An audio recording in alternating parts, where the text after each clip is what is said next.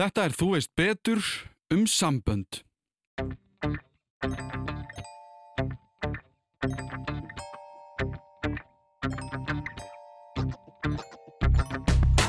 Á sálfræðin alltaf bara að vinna með vanda eða má gera gott betra. Það eru ákveðin mál í flestum samböndum sem verða aldrei list. Bara þetta er hans, þetta er hennar, nei þetta er ykkar. Laga er mjög mikilvægt í sambandi. Ég vona þátturinn í þetta skiptið stuð ekki of marga, því oft er óþægilegt þegar speigli er haldið upp á okkur án fyrirvara. Það er samt nánast óhjákvæmilegt að fara í einhvers konar samanburð þegar að tali best að samböndum eða kynlífi. Það er þó ekki tilgangur þáttarins, heldur frekar að ræða það hvað sé gert í para- og kynlífsráðgjöf og kannski hvað við getum gert til að laga okkar eigin sambönd, hvernig þau eru mynduð. Sumi fólki finnst óþægilegt að tala um þessa hluti, öðrum finnst það nöðsynlegt. Ég get óheika sagt að ég tilheri setni hópnum. Það var því mjög gaman fyrir mig og ég vonaði að verða fyrir ykkur líka þegar ég fekk til mín Aldísi Þorbjörgu Ólafsdóttur, sálfræðing og kynlífsráðgjafa og við rættum þessi málöll. Er þetta eins og að fara til sálfræðings? Hvað getur stuðlaða góðu sambandi? Hvað ber að varast? Og hvenar ættum við að bóka tíma í slíka ráðgjöf? Eins og áður byrjum við á kynningu frá viðmælandanum sjálfum.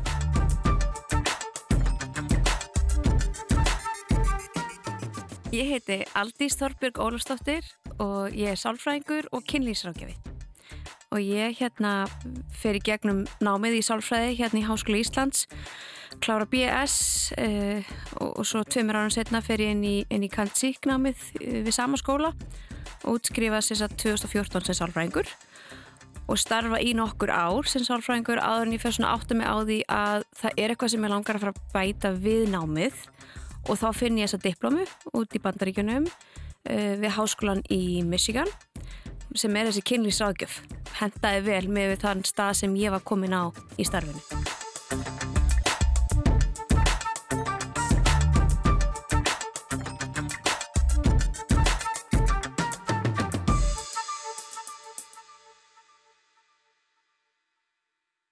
Kynlýsráðgjöf fellur raun ekki þannig séð undir sálfræðina þetta er sjálfstæð grein en ég myndi miklu teng freka tengja hana við kynfræði sexology uh, sem er náttúrulega bara aftur sjálfstæð fræðigrein. En hérna getum svona séð bara hvaðan þú veist við, við þegar við erum að skoða hérna kynlífságjöfina þá er þetta mjög praktískt nám. Við erum að fá bara strax verkfæri sem við getum notað bæði hvernig á að læra að tala um kynlíf og, og grýpa inn í og meðhandla alls konar kvilla. Uh, en hugmyndafræðin og hérna öll fræðin á bakvið það er kynfræðin og, mm. og, og það er hefst með honum Hirsfield í, í Þýsklandi og hérna það er bara mikið búið að rannsaka kynhegðun fólks, uh, kynneigðir uh, blæti og alls konar sem að hefur svo skila sér út í þessu sem við getum þá uh, tekið í, eins og ég tók í diplomu mm.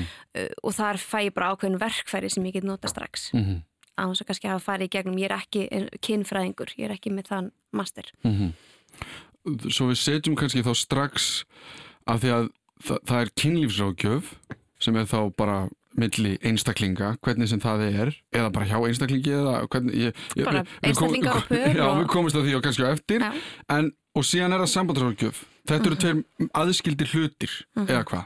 Já og nei. Já. Eh, sálfræðingar og félagsrákjafar og fleiri geta komið að pararáðgjöf og hérna það þarf ekki sérstaklega að vera að tala um kynlífið þar en ég veit að kynlíf kemur oft upp mm -hmm. hjá þessum einstaklingum með þessu, þessum fagæðilum en svo er kynlífsráðgjöfin þá þar er fókusin sérstaklega á kynlífi en það tvinnar saman, það er svo skrítið að fara að tala um kynlíf og ekki fara að tala um sambandið þannig að það sem að ég vinn með sem er para og kynlífsráðgjöf það er bara þessi heildrana nálgun þú veist, við erum að horfa einstaklingin út frá bara líkalmennri heilsu, andleri heilsu eh, við erum að skoða hvernig sambandið er ef mannskjan er í sambandi, mm -hmm. hvernig líður í því sambandi, bara menningarleg áhrif og alls konar breytur og síðan erum við líka sérstaklega að skoða það þá kynlífið Og af því að ég veit, ég er að fara að nefna eina nafni sem ég fannst alltaf að vera svona, ég heyr alltaf eitthvað svona Dr. Ruth sem var í bandarísk kona eða, já, já, og, og er held í enn og lífi. Ég held það. Ég held það líka, en að hún var svona brautriðandi, eða hún var rosa mikið allavega í hvort sem var ópra eða einhvern spjallótum þegar ég var að alast upp. Þannig að er þetta, sko þegar við byrjum að tala um þetta sem samfélag kannski meira, hvenar er það cirka? Er það 90 þegar ég er að vera ólingur eða, eða Hvenær fer þetta svona inn í þetta? Ég bara, mér finnst það alveg gott hjá það að giska á eitthvað um það leiti sko. Mhm. uh, hún var náttúrulega mikið bara í útverfi og sjónvarpi og tala um kynlíf náttúrulega algjör dúlla einhvern veginn og bara þú veist svo auðvelt að svona, hún, það var ekkert við hana sem að augraði kannski mikið að stuða því þó hún var aftur að tala um hluti sem voru augrandi á þeim tíma og á sama tíma því ég er alveg upp í Kanada þar var Sue Johansson með Sunday Night Sex Show sem að ég byrja að horfa á sem ólingur og fannst alveg geggjað og bara aftur fræðsla um kynlíf Mm Þannig að það eru svona einstaklingar sem að náttúrulega bara um allan heim sem hafa verið að taka þetta samtal en hún er mjög ábyrjandi karakter og margir hérna hafa tekið hann til fyrirmyndar og ég man eftir nokkrum í mínu námi sem vísu svona bara hafa fylgst með henni og vilja svolítið svona feta í hennar fótspor. Helst þetta í hendur við sko næstu réttindabaratu kvenna líka? A, já, unaður hvenna Já. og líka réttinda bara, bara hinsegin fólks og bara almennt bara svona þú veist þegar við fyrir að bara kannski búa til rými fyrir alls konar, þú veist að það sé bóði að hérna fyrir konu að vilja stunda kynlíf að það sé normalíserað og þú veist unaðurinn hennar skipti máli uh, og svo líka kannski á sama tíma er alltaf þessi hinsegin barta sem er líka þú veist og, og bara þú veist þegar við fyrir að tala um blæti og, og fantasíur og, og þú veist þá bara því fleiri rannsóknir sem við gerðum því meira komustu að því að fólk er með alls konar Mm fantasíur sem tengist ekkit endilega sambandinu þeirra eða. Þannig að mér finnst það algjörlega fylgja að og bara meira frelsi og frelsi til þess að skoða þessar hluti En þetta lítur að hafa verið samt sko að því að ef einhverju hafa hort á Mad Men Mhm. þættina sem eiga að gerast mm, í auglýsingabransanum einhvern tíman í, ég veit ekki hvernig 70 eitthvað kannski eða eitthvað þetta lítur að hafa verið sko sjokkirandi þessi umræða, hún er ennþann dag í dag er fólk sem er sjokkirað yfir um, þessari umræðu Meina, ég man eftir Dr. Love með Páli Óskari í gamla dag það var svona sjokkirandi þáttur þannig að við erum ennþá að eiga við þetta hvað okkur finnst óþægilegt að tala um þetta þetta lítur að hafa verið svona erfitt alveg bara þokkalega erfitt fyrir fólkið á þessum tíma eins og Dr. Ruth eða eins og hún hérna í Kanada að fá þetta pláss var þetta ekki doldið mikil barátta í byrjun? Þetta hefur alltaf verið og er það ennþá. Þú veist og bara í bandaríkjunum er bara að berjast fyrir því að kynfresla sér tekin inn í skólakerfið. Já, þú veist það er ekki, það er bara þú mátt algjörlega stýra því bara hver skóli fyrir sig hvað þú vilt kenna. En jú, það er búið að fylgja þessu ákveðin barata en ég vil, þú eru líka að skoða kannski samhengi, það kemur tímambilið þú veist, hvað er að gerast þá? Hvernig er umræðin um kynlíf, hún verður hans frjálslegri og veist, það, það er líka svona menningalegt samhengi sem ég get náttúrulega ekkert sett mig í það ég var ekki nei, nei. uppi á þessum tíma en ég get ímyndað mér að þá verður hans auðveldur að tala um kynlíf og, og einmitt frjálsar ástir og, en þar á undan ertu með tíman sem er það kannski miklu meiri stífleiki og minna talað um þetta og veist, þegar það talað um þetta þá er það kannski bara í hjónabandi eða eitthvað slíkt. Mhm. Þannig að það er, jú, hefur gengið í gegnum alls konar tímabil en það er líka, þú veist, þú getur talað um kynlíf með það markmið að stuða og þú veist, fá clickbait sem ég sé ofta á netinu, bara eitthvað svona eitthvað sem þú veist að fólk er að fara að smetla á eða við getum bara verið að tala um það eitthvað neginn þannig að við erum ekki, þú veist, eitthvað sérstaklega að stuða fólk eða, eða bara, þú veist, í fræðslu í tilgangi til þess að fræða. Af því það er einmitt sko það sem ég fór að hugsa líka að því að við færum okkur síðan nær okkar svona uh, nútímanum og förum hérna bara nær okkur 10-15 ára eftir tíman eða eitthvað að þá fór þetta einmitt sko leið mér að verða meira hvað maður að segja þú veist, Vogue eða einhver svona blöð voru með tíu leiðir til að krydd upp á ástalífið eða eitthvað, það eru til fleiri þannig greinar heldur en fólk í heiminum Þannig að þetta fór að fara frá því að vera kannski svona, þetta fræðslu hlutverk eða, eða eiginleiki yfir í söluvara. Hvenar gerist, þú veist, er, vitum við svona hvenar það, það, svo skipting verður? Það er bara, ég meðst þú lýsir þessu vel með, með, þú veist, Cosmo og þessum tímaritum en er það ekki líka þetta, þú veist, það er svo lítil fræðsla Mm -hmm. þú farið ekki um alla þína grunnskóla og kannski mentarskólagöngu á þess að fá neina kynfræslu, svo opnar eitthvað tímaritt og þetta er eini staðurinn og veist þannig að þetta fór að selja vel Mhm. þannig að það verður þarna ákveðin reyfing við sjáum það alveg nákvæmlega á hvaða tíma það er en, Þetta er okkar tíma, er okkar tíma en já. þú veist, maður fór að sjá þetta segjum bara, þú veist, erum að nálgast 95, 2000 svona aukin svona umræði í hverstaslífinu um kynlíf Mm. en kannski var svolítið fókusin á eitthvað svona tíu bestu stellingarnar eða þú veist hvernig ætlar að veita honum unað eða þú veist Svona, smá svo við Já, svona litlar, já. En, en hérna, það, það sem er á bakvið það held ég er bara skortur á fræðslu. Þráir það að tala um þetta en, en hefur ekki vettvang til þess. Mm. Eða veist, það er ekki viðkend að meira eða þetta veist, heima eða með vinum eitthvað svo leiðis. Þannig að þessi þróun fyrir að vera, veist, fólk fyrir miklu meira að kaupa og sækja í þessi uh, hérna, náttúrulega nú í dag er á netinu, mm. þarna voru kannski tímaritin frekar uh, og líka við sjáum bara, klám, þarna fyrir interneti að koma og bara alls konar þróun sem gerist þarna um og eftir 2000 mm. og bara fólk getur fara að googla og skoða netinu og fá fræðslu fá fræðslu, með mm. en það getur fletti upp sem það vil finna. Ég held að það sé örugt að segja að við höfum öll reykist á þessar greinar sem við töluðum um á hennu ímsu miðlum. Fyrst kannski í svo kallum lífstílsblöðum, slúðurblöðum en svo með tíð og tíma hefur það færst yfir á netið og klám byrjað að hafa meiri áhrif á það hvernig skinnjun okkar á heilbröðu kynlífi er eða bara hvað kynlíf sé yfir höfuð. Tíu leiðir til að fullnæja makanum. Titillin ætti að vera næg vísbending til að loka vafraglugganum eða henda blaðinu strax. Því augljóslega eru við öll mismunandi og ekkert virkar fyrir alla. En þar sem við höfum líklegast öll upplifað einhvers konar vandamál í samböndum, hvenar er tímapunkturinn þar sem það er komin tími til að kíkja í ráðgjöf?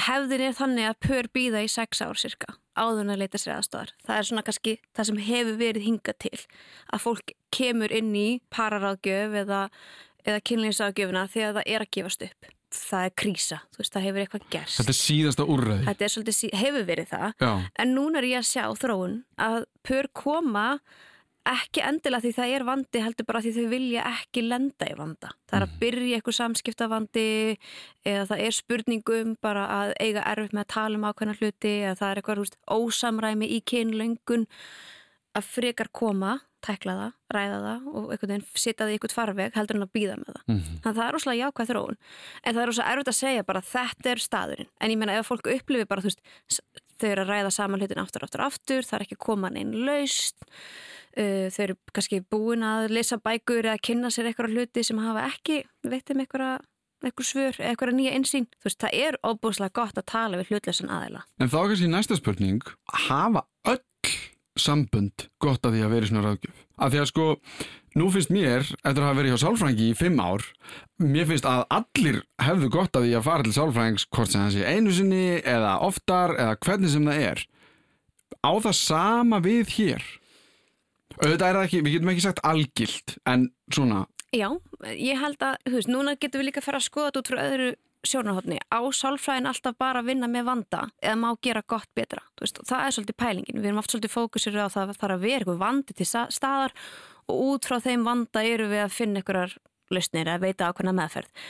En náttúrulega þessi hugmyndafræði er, þú veist, kannski bara er hægt að gera gott en betra. Kannski er hægt að, hérna, einmitt, læra, eh, þú veist, hvernig er hægt að rýfast að sangjarnar í máta eða, þú veist, hvernig er hægt að hlusta betur eða að læra að tala um kynlíf í sambandinu. Þannig, ég, þú veist, ég hugsa að það myndi gera pörum gott, en svo náttúrulega bara kemur inn á það, veist, ef það er ekkit sérstaklega vandið til staðar, af hverju myndi parið leita mm -hmm. í pararáðgjöf eða í kynlífsráðgjöf. Mm -hmm. Þannig ég held að þessi þáttur, að það er eitthvað sem er að trubla er drivkrafturinn sem að leiði fólk áfram, þú veist, í að sækja, sækja sér þjónustu. Einmitt. Og sko bara því að ég er forvitin mm -hmm. og maður pælir í því eru einhver vandamál sem eru algengari en önnur? Já. Hvaða vandamál? Algengasti vandin er að það er ekki sagt, uh, jöfn löngun í kynlíf mm -hmm. hjá mhm. parinu. Þannig að annar aðalinn upplifir að það sé oflítið kynlíf, hinn aðalinn upplifir eitthvað svona pressu og þarna hérna, getur mynda svona hægt og rólega hvern dýnamík sem er hvernig svona chasing dýnamíkin þannig að annar aðalinn upplifir höfnun, stöð upp búin að vera að reyna sína frumkvæði og hérna, leitast eftir þessari nánd við maka sinn að meðan að þú veist hinn aðalinn sem er svolítið að forðast upplifir pressu og vil sem minnst gefa af sér því að hver snerting gæti mögulega gefið hinn um einhverja hugmyndur um að það geti lett til kynlífs. Mm -hmm. Þannig að verður svona ábúslega sásökafull dýnamík þarna og það það bara náttúrulega stígin í það og, En sko eins og þetta, af því að nú erum við öll mis, mis, mismunandi úr garði gerð mm. og þetta eins og kynlöngun mm -hmm. Ég meina við þekkjum það öll bara að fólki í kringum okkur, hvort sem við erum að stunda kynlíf með, með því eða ekki, er miskynferðislegt og allt þetta, það er bara allur ekki bóin -hmm. Ég hugsa bara ef þetta er svona mikið ójabægi það er kannski alltaf laga allt. En, en þegar við erum að tala um kannski svona það sem myndur að setja inn í gæsilega bara náttúru þú getur ekki látið annan aðelan bara eitthvað vilja það sem hann vill ekki og þú getur ekki látið, þú veist, þetta virkar í bára áttir. Þannig að eins og, eins og í svona aðstöðum hvað er þá til ráða? Náttúrulega, þú veist, fyrst þurfum við bara að skoða, er það raunhæft aðeins sem vil meira kynlíf? Mm. Hvað erum við að tala um? Og þetta er oft bara svolítið byrjunin, að reyna svolítið svona kortleggja, hvað erum við að, hv- þú veist, hvað erum við að tala um hérna? Uh, en síðan er bara, þú veist, náttúrulega líka gott að pör tala um kynlíf snemma í sínu sambandi. Þú veist, ef ég fyrir svona fyrirbyggjandi, kannski er þetta eitthvað sem að þarf að vera partur af einhverju samtali, veist, bara hvað er ég tilbúin að stunda mikið kynlíf? Uh, ef það er eitthvað algjört mismatch, hvað ætlum við að gera? Mm. Þú veist, er það samband sem er að fara að ganga vel eða ekki, viljum við stíga inn í það samband eða ekki? Pör geta verið með einhver fyrirkomulög um það að annar aðalinn megi, megi leita út fyrir sambandið eða eitthvað slíkt, veist, það er náttúrulega bara alls konar byrtingamyndir þú veist, af lausnum við þessum vanda. En mjög oft er þetta samt að vinna með þessa dýnamík sem ég var að nefna hérna áðan. Þú veist, við þurfum að brjóta upp þessa spennu sem hefur myndast í kringum kynlífið og við þurfum að fá fólk náttúrulega bara við þurfum að vinna með kannski samskiptin og hvernig fólki líður í sambandinu. En við erum aldrei, þetta snýst ekki um það að hérna setja niður eitthvað tölu einu sinni í viku eða eitthvað og svo bara eitthvað pressa. Mm. pressa er ekki að fara að kveiki neinum sko. miklu freka bara þú veist að læra bara hvað kveikir í mér, hvað virkar fyrir mig til þess að ég komist í stuð? Að því mögulega líka erum við að skoða þarna þú veist, þetta er ekki alltaf þannig að það er kallmaðurinn sem vil meira á konan minna, alls ekki. En í til dæmis því tilfelli eða væri þannig, hvernig horfir konan á kynlíf, þú veist, hvað skilabóð hefur hún fengið um kynlíf? Þú veist, þegar hún var að uppgöta sig sem batn og snerta sig, þú veist, var það bara skömm, uh, var hún skömmuð fyrir það, hún upplifið skömm við það, þú veist, er þetta eitthvað sem hún á ekki ræða, þú veist, svo kemur hérna ólingsaldurinn, eitthvað svona druslu skömm sem að fylgir því kannski að vera kynvera, þú veist, hvernig hefur þessi mannski upplifað kynlíf og bara það að vera kynvera, af hverju ætti það allt inn að vera eitthvað jákvæðlutur, þú ert orðin eitthvað ekki skömmul. Mm. Þú veist, þannig að við erum líka að vinna með bara svona, fara alveg í grunninn, bara hvað hefur verið lært um kynlíf, hvað þýðir kynlíf fyrir þér, þú veist, hvernig hefur samfélagi bröðust við þér sem kynveru. Það er eitthvað sem má líka skoða. Mm. Þannig að þegar þessi mannski fer eitthvað að átta sér betur á því, kannski, þú veist, kannski er það þannig að bara hún þráur mjög lítið kynlíf. Þá þurfum við að vinna með það eitthvað neina, það er að finna einhverja sátt eða, eða parið þarf að finna einhverja löst með það. En stundum er þetta líka spurningum að átta sig á því hvað er það sem er að, að hérna, draga úrinni eins og streyta, svefleysi, ummunun, barna eða þú veist, það er alls konar breytur sem geta dreigið úr þessari kynlengun og hvað getur þú gert til að auka hana? Veist, hvað er þetta að gera til að finna þína kynveru og vera og leifa þær að vera kynvera? Og nú, sko, að því að við förum, þú, þú nefnt samskipti frekar oft Mm. og það sem ég hef oft hugsað bara á minni lífsleið er að það er eiginlega enginn sem kenni þér að vera í sambandi. Mm -mm. Þú bara einhvern veginn byrjar að hafa áhuga á hinum og, og þessum og það kannski virkar í einhver skipti og það verður til samband en því fylgir mjög mikið af hlutum sem að þú, það hefur enginn kentir á, það hefur enginn sagt þér frá þeim, allt þetta og við getum nefnt meðvirkni, við getum nefnt öfunnsíki, afbrýðsemi, þú veist, það eru alls kynns hlutir, hvað því er að elska, skilur við, allt þetta. Að því við höfum talað um vöndun og kynlífsfræðslu sem er eitt, en er líka vöndun á því að kenna fólki að vera í sambandi og hvað það þýði? Já, alveg mætti alveg bæta því inn og ég held að sé vera að bæta því meira inn í kynfræslun í dag. Við erum kannski með fókusin meira á samþyggi og svona samskipti um kynlíf en auðvitað er það bara, þú veist, bara í dagstaglega lífin okkar, þú veist, erum við einhvern veginn að þú veist, reyna að spekla heilbrið samskipti við börnin okkar og eitthvað slíkt og sem að kannski kenna þeim eitthvað hvað er að vera í sambandi Mm. eða þú veist, eða batna á tvo fóreldra, það getur fylgst með samskiptum fóreldra sína og það eru alls konar vísbendingar en Já. það getur verið mis heilbriðar Já, Þannig það verður ofta sem er venjulegt, er Já. það sem foreldrarnir Já. eru og foreldrarnir kannski lærðu heldur ekkert hvernig í Nei. sambandi og bara lærðu það Þannig að við erum meira að læra svona herminám Mm. en auðvitað væri bara mjög gott að þú veist við getum kannski ekki kent allt en þú veist að styrkja ungt fólk í því að tala um hlutina að líka þú veist bara validera tilfinningar annara að þekki sínar eigin tilfinningar það væri bara eitthvað sem mætti klálega að vera inn í aðnámskrá En hvað með, sko, eru þið sem, sem stundir þetta og eru það í para og kynlífsrákjöf eru einhverjar gullnar reglur, eru einhverjar svona, þú veist, ef ég myndi koma til henni í sambandi og bara myndur þú spyrja út einhver ákvæmnu hluti strax varandi samskipti, bara til að finna út hvort það sé einhver rauð flögg, hvort að samskiptin séu í lægi áður en við förum að tala um hvernig kynlífi séu samskiptin varandi það. Jú, það er bara mjög gott að taka, þú veist, sögu, bara stundum er það þannig við, bara ég heiti stundum parið saman og svo ég sé ykkur að lægi. Ég fann að gera það meira og meira, að það gefur mig tækifæri til meins bara með þér, á þess að ég sé að hitta maka þinn og bara heyra bara, þú veist, hvernig var að vera þú sem barn og þú veist, hvernig gekk þér í skóla og hvernig eru tengslið með fóraldraðina og hvað er kynlíf fyrir þér, hvernig er reynslæðina kynlífi, hver eru áföllin þín, þú veist, þá getur fengið að kynnast parun í sikkur að lægin og, og svona fengið þeirra sögu, en ég þarf að gera sama varandi sambandi þeirra bara fá svolítið tilfinningu fyrir því og svona oft byggðum að gefa mig dæmi um, þú veist, ef þú segir við erum alltaf að rífast um sama hlutin, getið gefa mig dæmi, hvernig, veist, hvernig byrjar það? Mm. Og þá var svona svolítið að kortleggja hvernig það byrjar, hvernig það þróast. En eru þið oft sko áttavitin? Af því að ef þú ert með tvo einstaklinga í sambandi sem eru að gangi gegnum eitthvað, minna oft geta reyfrildi verið bara um hver eru rétt fyrir sér. Og, og, og þú veist, minna, þetta er rosalega mikið af flóknum tilfinningum, þannig að maður ímynda sér að, að þið þeirra tveir aðilar deila og við verum að tala bara um kjarasamninga eða eitthvað, þú veist, bara ekki sem er tengt sko, samböndum, þá er einhver sáttasemjari. Mm -hmm. Það er einhver sem að hlustar á báðarliðar og er nokkuð hlutlus vonandi og getur einmitt sko leiðbent og kannski bent á eða sett puttan á þessi hegðun er ekki alveg heilbreyð eða eitthvað svo leiðis og það er bara akkurat það sem við gerum. Náttúrulega auðvitað að kemur eitthvað upp sem að það er bara strax að benda á og gerur það. Mm. en svo er það líka svona þú veist, þú vil kannski ekki alveg segja fólki bara strax nákvæmlega hvað að gera því það eru sem er bara með mótróa og vil ekkert heyra það fannig þannig að maður líka stundum bara svona að stýra umræðin í það átt að þú veist, fá fólk til að sjá. Að því þú veist, til dæmis þetta, hver sigrar einhver eitthvað reyfrildi. Er það það sem þetta snýst um og er það það sem að skipti mestu máli? Mm. Eða þurfum að læra eitthvað nefn bara meiri samkenga hvert makk okkar og að halda í virðingu og passa trausti þegar við erum ósátt og þú veist að ekki hérna það er ekkit betra fyrir mig að sigra og fyrir maka minn að tapa. Við viljum læra eiga samskipti þar sem að þú veist allan að ég get sagt það sem að ég er að upplifa og síðan hlusta. Þú veist maður kannski kenna á þess að fara strax í en stundu þurfum við bara að grípa eitthvað sem mm. er bara ok, þessi hegðun er ekki í lagi. Mm -hmm. Ég get ímynda mér að það sé ekkert sérstaklega vinsælt. Fólk tekur því ekkert illa. Ekki? Nei. Nei? En kannski að því ég er bara hlutis aðli. Ef að maki myndi segja þetta Já. og stundum kemur bara, veistu hvað ég er búin að segja þetta við hann oft mm -hmm. og þú sagði þetta við hann einu sinni veist, þannig að það verður líka ofta eitthvað svona sár mm -hmm. í tengslu við það að það er hlustað öðruvísi en það er bara þetta, þú veist, þú ert innan um einhverja mannesku alla daga og verður kannski á vissan hátt, þú veist, á, kannski ónæmur fyrir því, svo hittur einhvern annan aðalega sem heita í fyrsta skipti og þessi manneski er að segja sama, það bara reyfir öðruvísi við þér mm. þannig að það er auðvitað alveg skiljanlegt að hérna, það er líka bara hvernig þú segir það og hvernig þú nálgast fólk mm. En er, sko, þetta er kannski óvinnselspurning fyrir ykkar fag En er þetta stundum bara ekki, þú veist, sumir bara eiga ekki að vera saman? Sum eiga ekki að vera saman. Er þetta stundum spurningum að segja bara, ég held að þetta gangi ekki upp? Eða er þetta bjargöllu?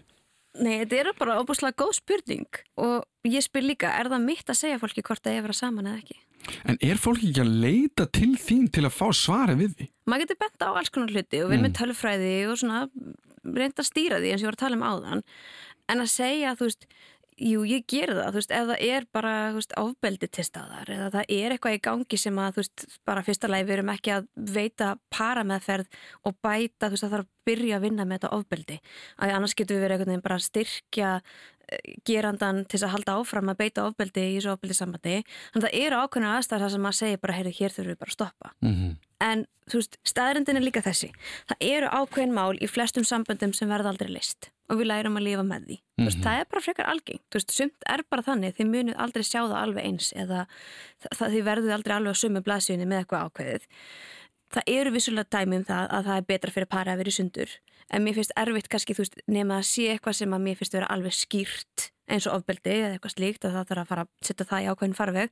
Það er erfitt fyrir mig að stiga fram og segja því að gefast upp. Að því það sem ég hef náttúrulega séð aftur, aftur, aftur eru pör sem eru bara það er svakalega gjá á millið þeirra svo bara með því að vinna með þessa þætti þú veist, hluti eins og samskipti og samkend og byrja að tala meira og deila meira og byggja tröstið að þá gerð breytist þetta samband En hverjar eru svona, svona viðmjöðunareglur í til dæmis samskiptum para, hvernig sem þau eru uppbyggð? Fyrir góð samskipti? Já, af því að sko, mm -hmm. það er, sko, við erum að tala um af því að þú sagðir að stundum þá er þetta síðasta úrræðið mm -hmm. sex árum eftir þessi hugmynd kannski fæðist þá er parið komið mm -hmm. þangað og það sem við tölum um og höfum, höfum við að tala um er líka sko að þú nefnir ef við segjum bara afbreyðsemi eða eitthvað, meðvirkni, einhver svona stóri póstar að jú, það er auðvitað að vinna í því innan sambands en það þarf náttúrulega líka finnst mér eða líður mér að aðilinn sem ákvæmski meira við þetta að stríða eða eitthvað hann þarf að fara bara í einstaklings og bara vinna úr sínu dæmi. Það er stundum þannig. Þannig að sko, hlutin sem þú að tala um, þeir eru svo ótrúlega flóknir og þeir geta líka teikt ánga sína bara út um alla trissur. Þannig að sko það sem ég pæli í varandi, það er rosa auðvelt að segja bara verið bara hreinskilin. Mm -hmm. En síðan bara. Eitthvað verður einhver pyrraður og, og annar segir ok, ég nenni líka að hafa hann að pyrraða eða eitthvað, ég ætla bara að sleppa þessu þú veist, hvernig, mhm. hvernig er einhverju svona viðmjöðunarreglu ef við erum að reyna að gefa fólki sem er að hlusta einhver, einhver ráð, ráð. Að því, svo vil ég líka skjóta því inn að þegar vandi hjá öðrum aðelanum mm. og það er par hjá mér að þá gerna svona svolítið bara þetta er hans, þetta er mhm. hennar, nei þetta er ykkar. Af því ef það er vandið sem að er meira bundin við annan aðelan en hefur áhrif á sambandið, þá er það, þú veist, við þurfum að vinna með sambandið. Það er mhm. ekkert að senda bara annar aðelan eitthvað og... Heilu, laga þú þig já, og ég býð. Kom þú svo aftur. Já. Þetta er alltaf, þetta eru tveir aðilar, þetta er, veist, þetta er eitthvað sem fer fram og tilbaka eins og samskipti eru. Mm. En það er, jú, það er alls konar hluti sem við getum reynda að, að ef við tökum hvað eru góð samskipti og hvernig viljum við vera að tala betur saman, eitt af því sem að ég vinn svolítið með er að þú veist, það er algengt að fólk svona, ok, við erum að rýfast um fjármálin eða við erum að rýfast um heimilisverkin eða eitthvað slíkt og það sem við erum að rýfast um, það sem við erum átt okkur á því, ekkert alltaf en mjög oft, er ekki endilega þessir ákveðinu hlutir. Þetta er miklu frekar, þú veist, sérðu mig, ertu til staðar fyrir mig, get ég treyst á þig. Þannig að mm. rótin er rosalega oft basiraðar í tengslunum okkar. En svo byrtist á þennan hátt, þú veist, að við erum að tala um hérna eitthvað uppaskeið eða eitthvað slíkt. Þannig að við þurfum að læra að eiga hans öðruvísi samskipti sem fælst í því að berskjálta sig en áður við komin þanga þá þurfum að byggja upp þetta traust, þessi örugu tengsla milli hérna parsins að þú getur deilt henni upplifin á þess að ég sé að fara í vörð mm -hmm. veist, að það sé pláss fyrir það þannig að ef þú kemur og segir bara mér líður illa yfir því að þú sérst að fara þarna einn í kvöld að í staðan fyrir að ég fari í vörn og taki því illa að við getum búið til pláss fyrir þetta ok, ég heyri það mm -hmm. að valið er að tilfinningarnar oh. en svo getur maður þarna að fara á dýftina líka meira veist, það býður meira upp að það geta farið beint í bara, veist, bara hver er ótti minn eða ég, hérna, veist, mér finnst þú ekki sjá mig eða mér finnst þú ekki la, að laga stað mig lengur eða hvað er það, hvað er það annað en kannski það sem við erum búin að vera að tala um Og nú ef ég var ef ég á bara að vera personlegur mm. að þá finnst mér oft vandasamt að greina á milli hver, hvernig líður mér gagvart einhverjum hlut bara eitthvað, ég veit ekki eins og alveg hver það væri og er ég að vera stjórnsamur mm -hmm.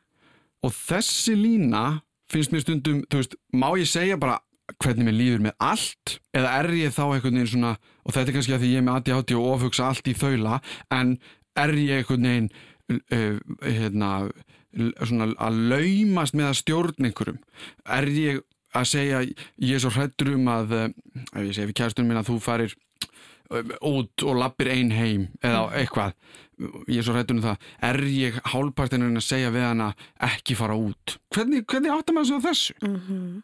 Þetta er náttúrulega eitthvað sem síðan væri fókusin á þér sérstaklega til að mm -hmm. skoða þetta mm -hmm þú veist, hvað er markmiði með því? Ef að markmiði er að þú veist, fá hann alltaf vera heima, þá ertu klálega í ykkur svona stýra henni, já. já.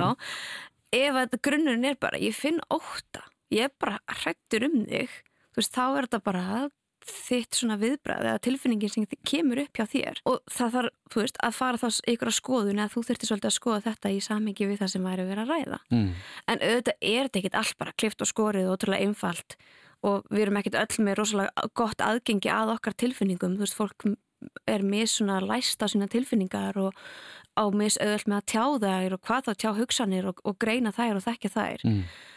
Hvernig kennur þú einstakling sem að er til dæmis þar mm -hmm. og hefur kannski alveg uppið að vera ekkert að tjá tilfinningar sinna mikið, hefur hermt eftir fóröldur sínum sem voru kannski ekki mikið að segja ég elska þig eða einmitt eitthvað, hérna, elskar mín mér finnst leiðilegt þegar að þú af því að þannig líðum, veist, þessi opnu samskipti og enginn er reyður eða pyrraður hvernig nærðu þannig aðeila út úr skelinni sko varandi það bara að tjá sig er það ekki líka doldið erfitt verkefni? getur verið það og ég held að þetta skiptir svo ótrúlega miklu máli þetta meðferðarsamband sem að mynda við fólk þú veist, Mhm. að þú veist þú, með pari þá ert ekki bara eitthvað hérna, að taka ykkur að hlið eða þú veist, þú vilt að öllum líði vel skilur og það sé hlustað en þetta er náttúrulega bara ákveðið ferðalag. Og þú veist, þetta er bara ferðalag fyrir margt fólk í því að fara að skoða bara, þú veist, og þú getur farið heim með bara ákveðið verkefni, bara staldra ofta við hvernig líður mér, að reyna að grípa sér oftar í ykkurum aðstæðum og þá getur maður kannski fyrst fókusir á þú veist, tilfinningar eins og tillökun og velíðan og gleði og okkur slíkt og bara vera betur tengdur og finna. En það er þetta þróa þá vinnu einhvern veginn áfram en náttúrulega í parameðferðinni er oft svo mikill fókusin á það sem er að gerast millir parsins. Mhm. Þannig að þarna var maður kannski einhver vandamál. Þannig að þú veist, ef þetta væri sérstaklega vandi þá jafnvel væri bara fínt að annar alveg færi að vinna sérstaklega með þetta jafnvel á öðrum staði. Mhm. Þetta væri tekið einhvern veginn á milli viðtala eða eitthvað slíkt. Mhm. En það er bara einmitt, ákveðin vegferð og þetta er, bara, þetta er rosa stór þáttur í sálfræði með fyrir marga Mhm. eða margt fólk. Að bara, þú veist, átta sig á tilfinningunum sínum, þekkja orðin, þetta er, já, þetta er gremja sem ég finn núna, skilur Mhm. að geta miðlað því og bara svona svolítið verið tengslum við. Og þarna komum við líka aftur inn á kynlífið, þú veist, og inn á bara samskiptinu og annað, þú veist, hversu vel þekkir þú þig, hversu vel ertu tengdur þínum tilfinningum og þínum líkama? Mhm. þegar kemur að því síðan að vera í að miðla því til, til annara aðala, strax við það að þekkja er ekki skapast ákveðin vandi. Og sko þetta, sko, og þá langar mig aftur til að fara inn í, inn í kynlífið, af því að ég man einhvern tíma þegar um, Indiana Rose kom til okkar í, í, í þátt og hún með hjálpaði ekki ástalífsins og þá man ég að ég spurði hana að því að því að kynvitund kvenna hefur verið meira og meira í umræðinni og bara, sem er náttúrulega bara mjög gott. En það hefur, ég spurði hana held ég að því sko þessi hjálpartæki sem eru, það er miklu meira tilæðum fyrir konur heldur en karla. Og það er svolítið svona, svona hvað segir maður, gegnum gangandi að það hangir alltaf við þessi hjálpatæki að kallmönnum finnst þeim vera ógnað til dæmis, með bara einhverjum tækjum sem að bara er, er þetta tæki bara betur en ég þarftu eitthvað á mér að halda þetta er eins og egoið farið inn í sig þú veist það er allskinn svona. Og ég velti fyrir mér ef að í kynlífi og það er einmitt þetta að því að konur, það hefur verið svona umræðinni konur, því ég var í mentaskóla þá var bara eitthvað svona, konur eiga bara svo ógeðslega erfitt með að faða það. Þarf ekki að pæli því, eða þú veist, tannig séð. Síðan alltaf hefur það breyst sem bara, já, nei, það þurfa kannski bara aðra hluti og, og, og til þess að fá fullnæðingu þessir hlutir, til dæmis að því við höfum talað um kynlöngun og síðan líka bara hvernig kynlífið er stundað og hvað þá ef við förum út í það sem að sund fólk myndi kalla kannski svona öfgarnar, ég er að gera gæsalega byrjina sem þið sjáu ekki, það sem við erum að tala um eitthvað blæti. Auðvitað kemur á einhverjum tímapunkti það sem er bara hvað, nei, ég get ekki þetta blæti, hvað sem, sem það er. En er hægt að einhvern veginn ná millivegi þarna, til dæmis eins og hvað ef annar aðeins opið samband sem er ósað mikið í svona umræðinu núna? Opinsambönd eða hvað, hvað kallast það? Jú, opin já, já er ekki op, opinsambönd? Svo fjölástir Já, fjölástir einmitt, mm. polyamori. Allt þetta. Sko, þetta er líka rosa, rosa Já. mikið ég er alltaf að fara að sletta trikki. Þetta er, þetta er rosa flókið líka. Já, að ná, sko, að því að eitt er samskipti innan sambands. Ok, við getum unni með það.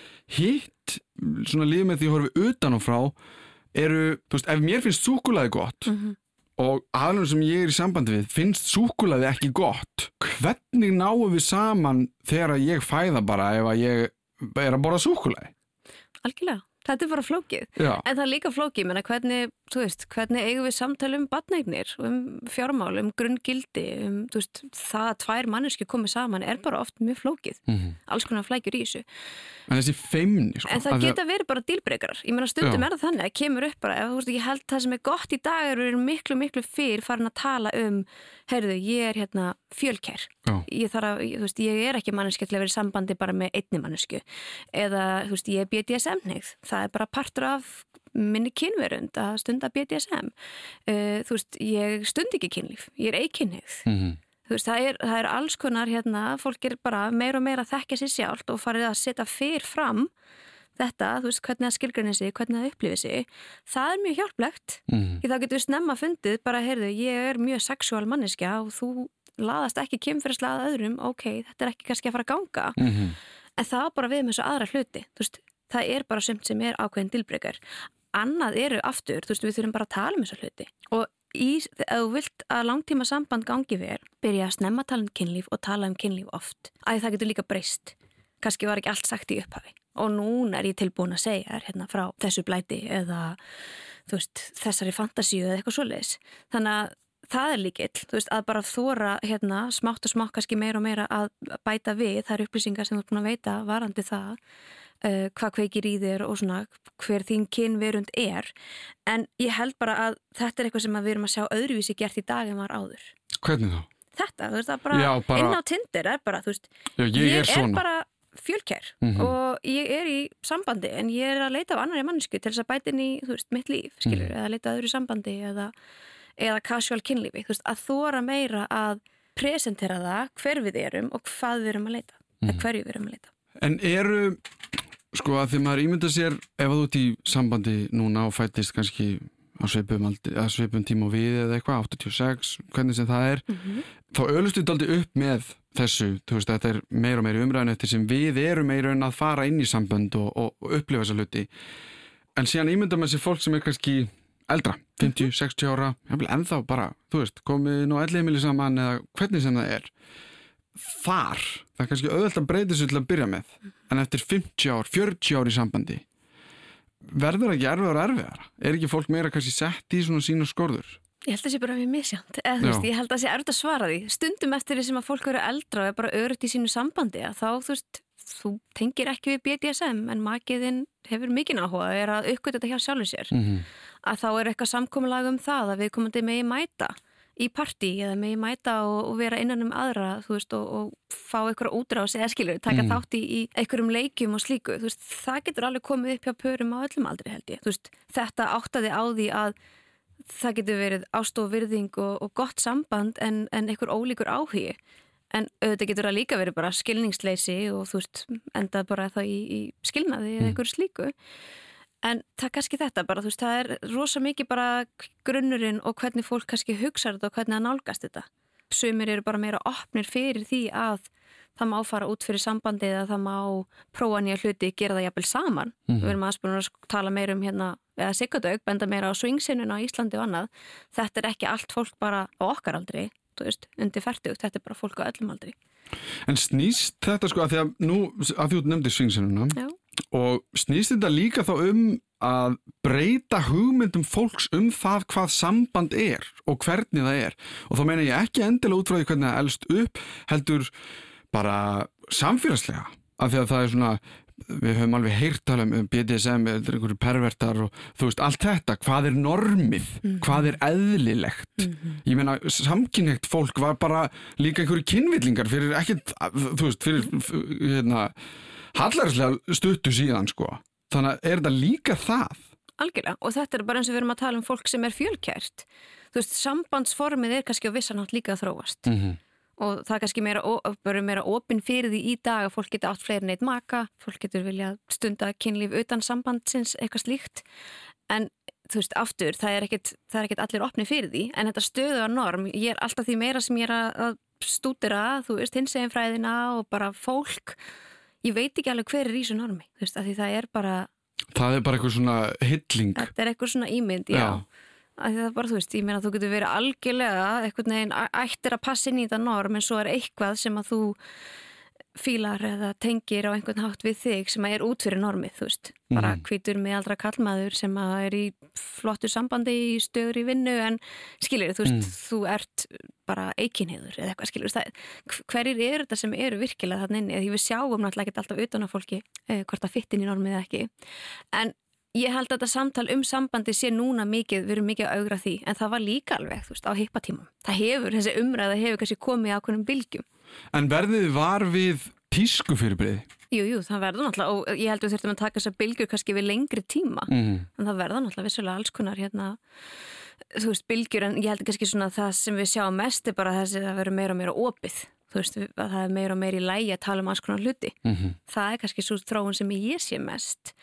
En við getum talað um alls konar tímabil og við getum talað líka um bara þú veist hjónabandið fyrst og fremst kannski stopnað til þess að venda fjármunni, -hmm. tryggja þú veist, tengst fjölskyldna og peninga. og réttindi og einhver deyr að þá, þú veist, allt þetta? En ég er komin lengra aftur. Já. bara þegar þú veist þú kemur að ríku fólki og ég kemur að ríku fólki. Já, og þess vegna giftust þar. við til að tryggja þetta Mhm. tryggja þess að, þaðan kannski má svolítið tengja að vissan hátt hjónabandið og þá var bara mjög eðlilegt að eiga maka utan, þú veist, hjónabandið var bara stopnun Já, einmitt. Og svo bara kemur, þú veist, ástur eitthvað allt annað.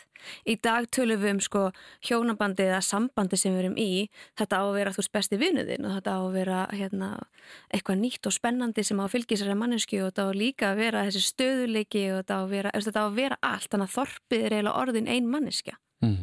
Er það óraunhæf krafa? Já, En hvernig tæklum við það þá ef það er, ok, nú ætlum ég að segja núna normið, af því að það er, ég meina þannig er það í dag, þú ert, ert með einum, ein- einni mannesku og hún er allir þessi hlutir og þú, þú sagðir hana spennandi, nýr, þetta er rosa mikil pressa þá á hinum aðalanum. og líka eins og það hefur verið að benda á eins og Esther Perel hefur benda á hvernig getur þú verið að finna fyrir löngun eða hvernig þetta þrá eitthvað sem þú, þú nú þegar hefur og þekkir svona ábúslega vel og, og hvernig er það þú veist þegar við þráum tilbreytingu og nýjunga en svo er bara Netflix og chill all kvöld, skilur Mm. þetta, þetta er ótrúlega þetta er ótrúlega flókið, þannig að svari er náttúrulega bara þú veist við þurfum að halda fram að rækta okkur sem einstakling, þú veist verð þú spennandi og, og bara lifandi manneskja sem að sinnir þínum áhugamálum og ferði gegnum lífi eins og þú vilt gera það þú skalt eiga vini eða fólki í kringu þinn sem getur líka þjónust að eitthvað þessu sem þú ert að leggja maka.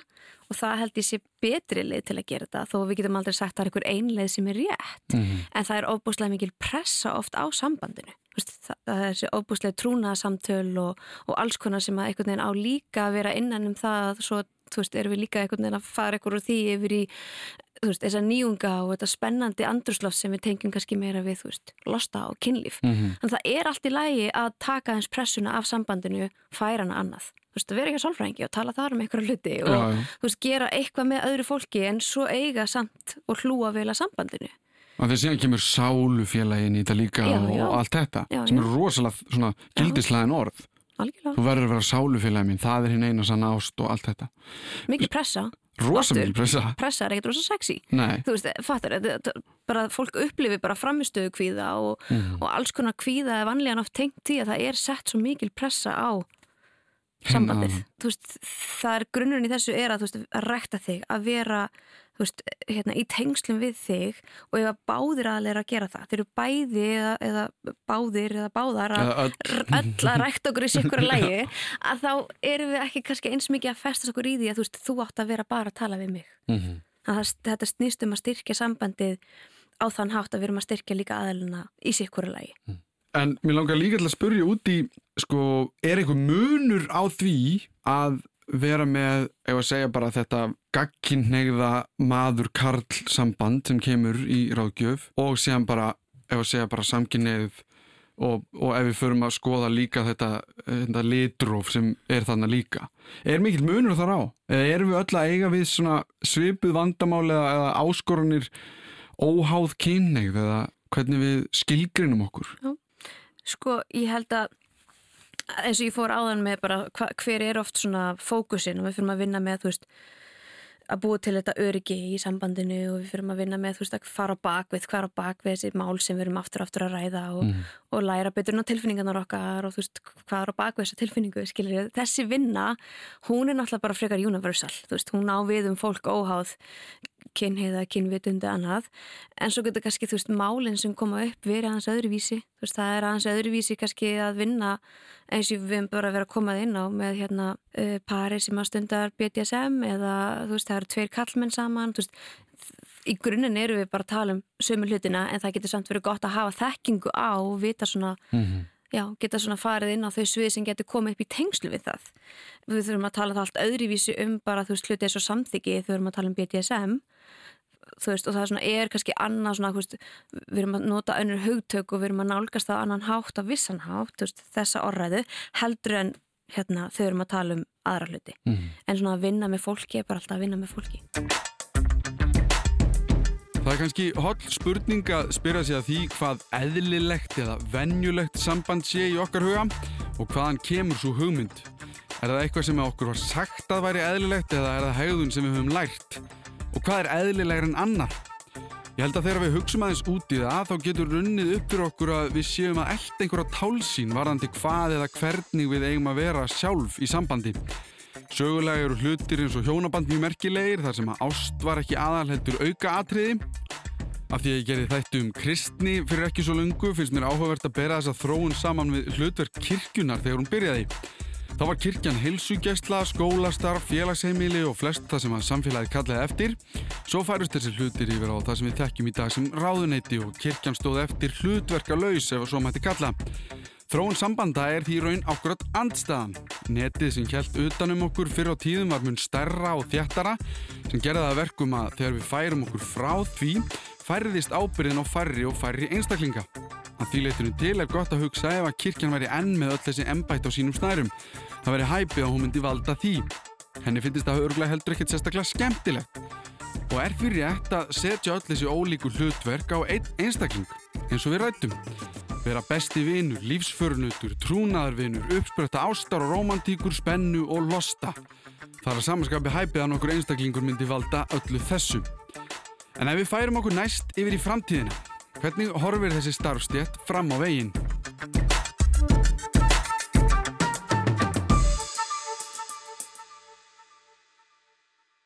Náttúrulega, þú veist, mitt starf myndi ég segja ætti ekki heiminn í skólanum af því bara, þú veist, ég er að fólk leita til mín, ég er að grípa fólk sem er í ákveðnum vanda og þarf að leita sér eftir að, leita eftir aðgrunni þjónustu. En við viljum sjá kinnfræðslu í skólum auðvitað og það er núna verið að vinna því að búa til einhverja heilstæða stefnu varandi það. Við viljum tala meir um kynlíf og þú veist, ég finna að ég tala um kynlíf alla daga, Mm -hmm. alltaf. Og þú veist, þú er bara að tala um það mikið það bara, það, það hættir að koma eitthvað svona viðbræði líkamann sem fólk finnur oft fyrir Mhm. að því við verðum oft meira kvíðin þegar við tölum um kynlíf. Þannig að það að tala mikið og oft um kynlíf er gott upp á að bara svona normalísera það. Þannig ég sé það líka bara þú veist að við höldum að fórum berjast fyrir þeirri hérna, umræði bara að foreldra ræði kynlíf að við séum dögli að tala um kynlíf að það megi tala um það. Þannig að það er eitthvað sem ég horfum mér á en svo bara mín vinna náttúrulega er veist, ég vinna á stofu og þú veist, er náttúrulega afmarkað kannski, jú, ég er með fræðslur en ég er ekkit mikið að fara út í samfélagið nema kannski komið ykkur viðtölu eða eitthvað slíkt Mhm. bara, Að því mér líður sko eins og við, að við nefndum reglur eða svona ekki Já. reglur heldur svona viðmið eða Mhm. svona áðan að það hefðu allir gott af því að heyra þessa hluti og maður sér oft og sérstaklega svona í umræðinni sem að við tölum um bara þessar byltingar sem hafa verið að eiga sér stað undanfærin ár og fleira þessi rauðu flögg sem er oft talað um að þú veist stundum hefði verið fínt að segja fólki bara að þetta er raukt flagg þetta er ekki lægi Ég held við sem að gera það meir í dag. já, Bæði bara eru búin að skilgruna mjög vel bara andlet ofbeldi, líkanund ofbeldi, kynferðslegt, fjárarslegt, stafrænt. Þú veist, við erum meira með bara punkta og bara skilgruningu á þessu mm. og mér finnst við sem samfélagi dögulega að grípa það. Mér finnst ég oftar heyra ungt fólk segja bara ég upplifi við komandi að vera gasleita mig, þú veist, sem er akkurat þetta, þú veist, þegar einhver bara algjörlega grefur undan því sem þú ert að segja og lætur þið efast um það sem þú ert að tala um. Mm Mér finnst við meira vera að benda á og tala um rauðuflokkin en þetta er það að halda áfram að gera það. En líka bara, þú veist, hvernig er að byggja upp heilbritt samband að fókusin, kannski mætti setja það einhver leiti inn í, þú veist, einhverja, hvort sem að það verið námskeið eða einhvern veginn inn í skólan, þú veist, það er gott að hérna, frekar að veist, ekki býða lengi með að beðast ásökunar að finna veist, þetta repair, að laga er mjög mikilvægt í sambandi að taka ábyrð á því sem að þú berð ábyrð á þú veist, og ef maður veit að maður er gætna á að reyna að stýra ykkur um að geta verið bara heyrðu, ég veit að ég ger þetta, Mhm. taka ábyrð á því þú veist, og hérna leggja sér fram við að, að skilja makasinn og sína makasinnum samkend og það er svona all, alls konar svona þættir sem mætti mitt frekar þú veist, kenna það sem er heilbrygt Mm.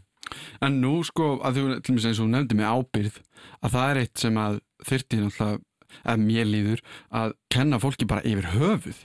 Þannig að þetta er svona, þetta er svo stór hluti að, jú, hann á sér staðinn í samböndum líka, auðvitað, en kannski af því að hann á sér svo mikið stað fyrir utan sambandið, þar, sko, líka, sko. Þannig að mann líður sko eins og þetta sé svona baggi sem að hann, hann byrjar einhver staðar og sem bara vil til að hann endar líkin í sambandinu. Mm Algjörlega. Og bara, þú veist, náttúrulega mín, mín hlið er þá að benda fólki á þetta í sambandi Já. eða þá einstaklinga sem leita til mín. Mm -hmm. En það er svona að, þú veist, það er ákveðin kannski sásiki oft hjá fólki að horfast í augu við það að það er ekki einhvern veginn fullkomið eða þú veist, það gerir mistök eða þú veist, það gerir hluti sem að hafa áhrif á aðra en það er það sem við þurfum að gera og í þessari MeToo-bylgju sem er núna gangi yfir, þú veist, það er akkurat þetta að sitja í þeim óþægendum sem koma upp þegar við áttum okkur á því að það er eitthvað í okkar hegðun eða eitthvað í því sem við höfum sagt eða gert sem er að hafa neikvæð áhrif á aðra. Mm -hmm. og þannig bera ábyrð að því líka það sem við viljum gætna gera er að komast bara frá því eins hratt og hægt Við viljum ekki það sem er óþægilegt. Við viljum það ekki, Nei. við viljum ekki setja í því. En ég vil einmitt að við setjum í því. Og þú veist, í smástund helst í eitthvað tíma tengjum við og finnum óþægendin sem koma upp. Það er að axla ábyrð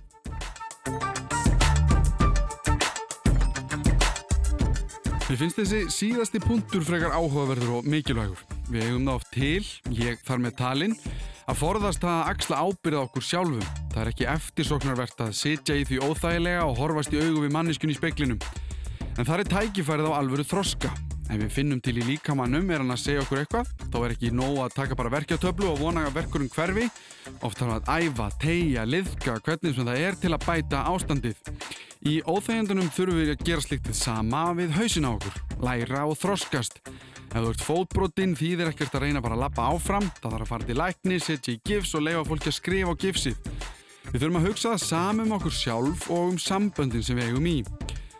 Það er engin að eiga við eitthvað vandamál í fyrsta skipti í sögu mannkins, svo það eru litla líkur á því að enginn hafi fundið ráð við okkar kvillum.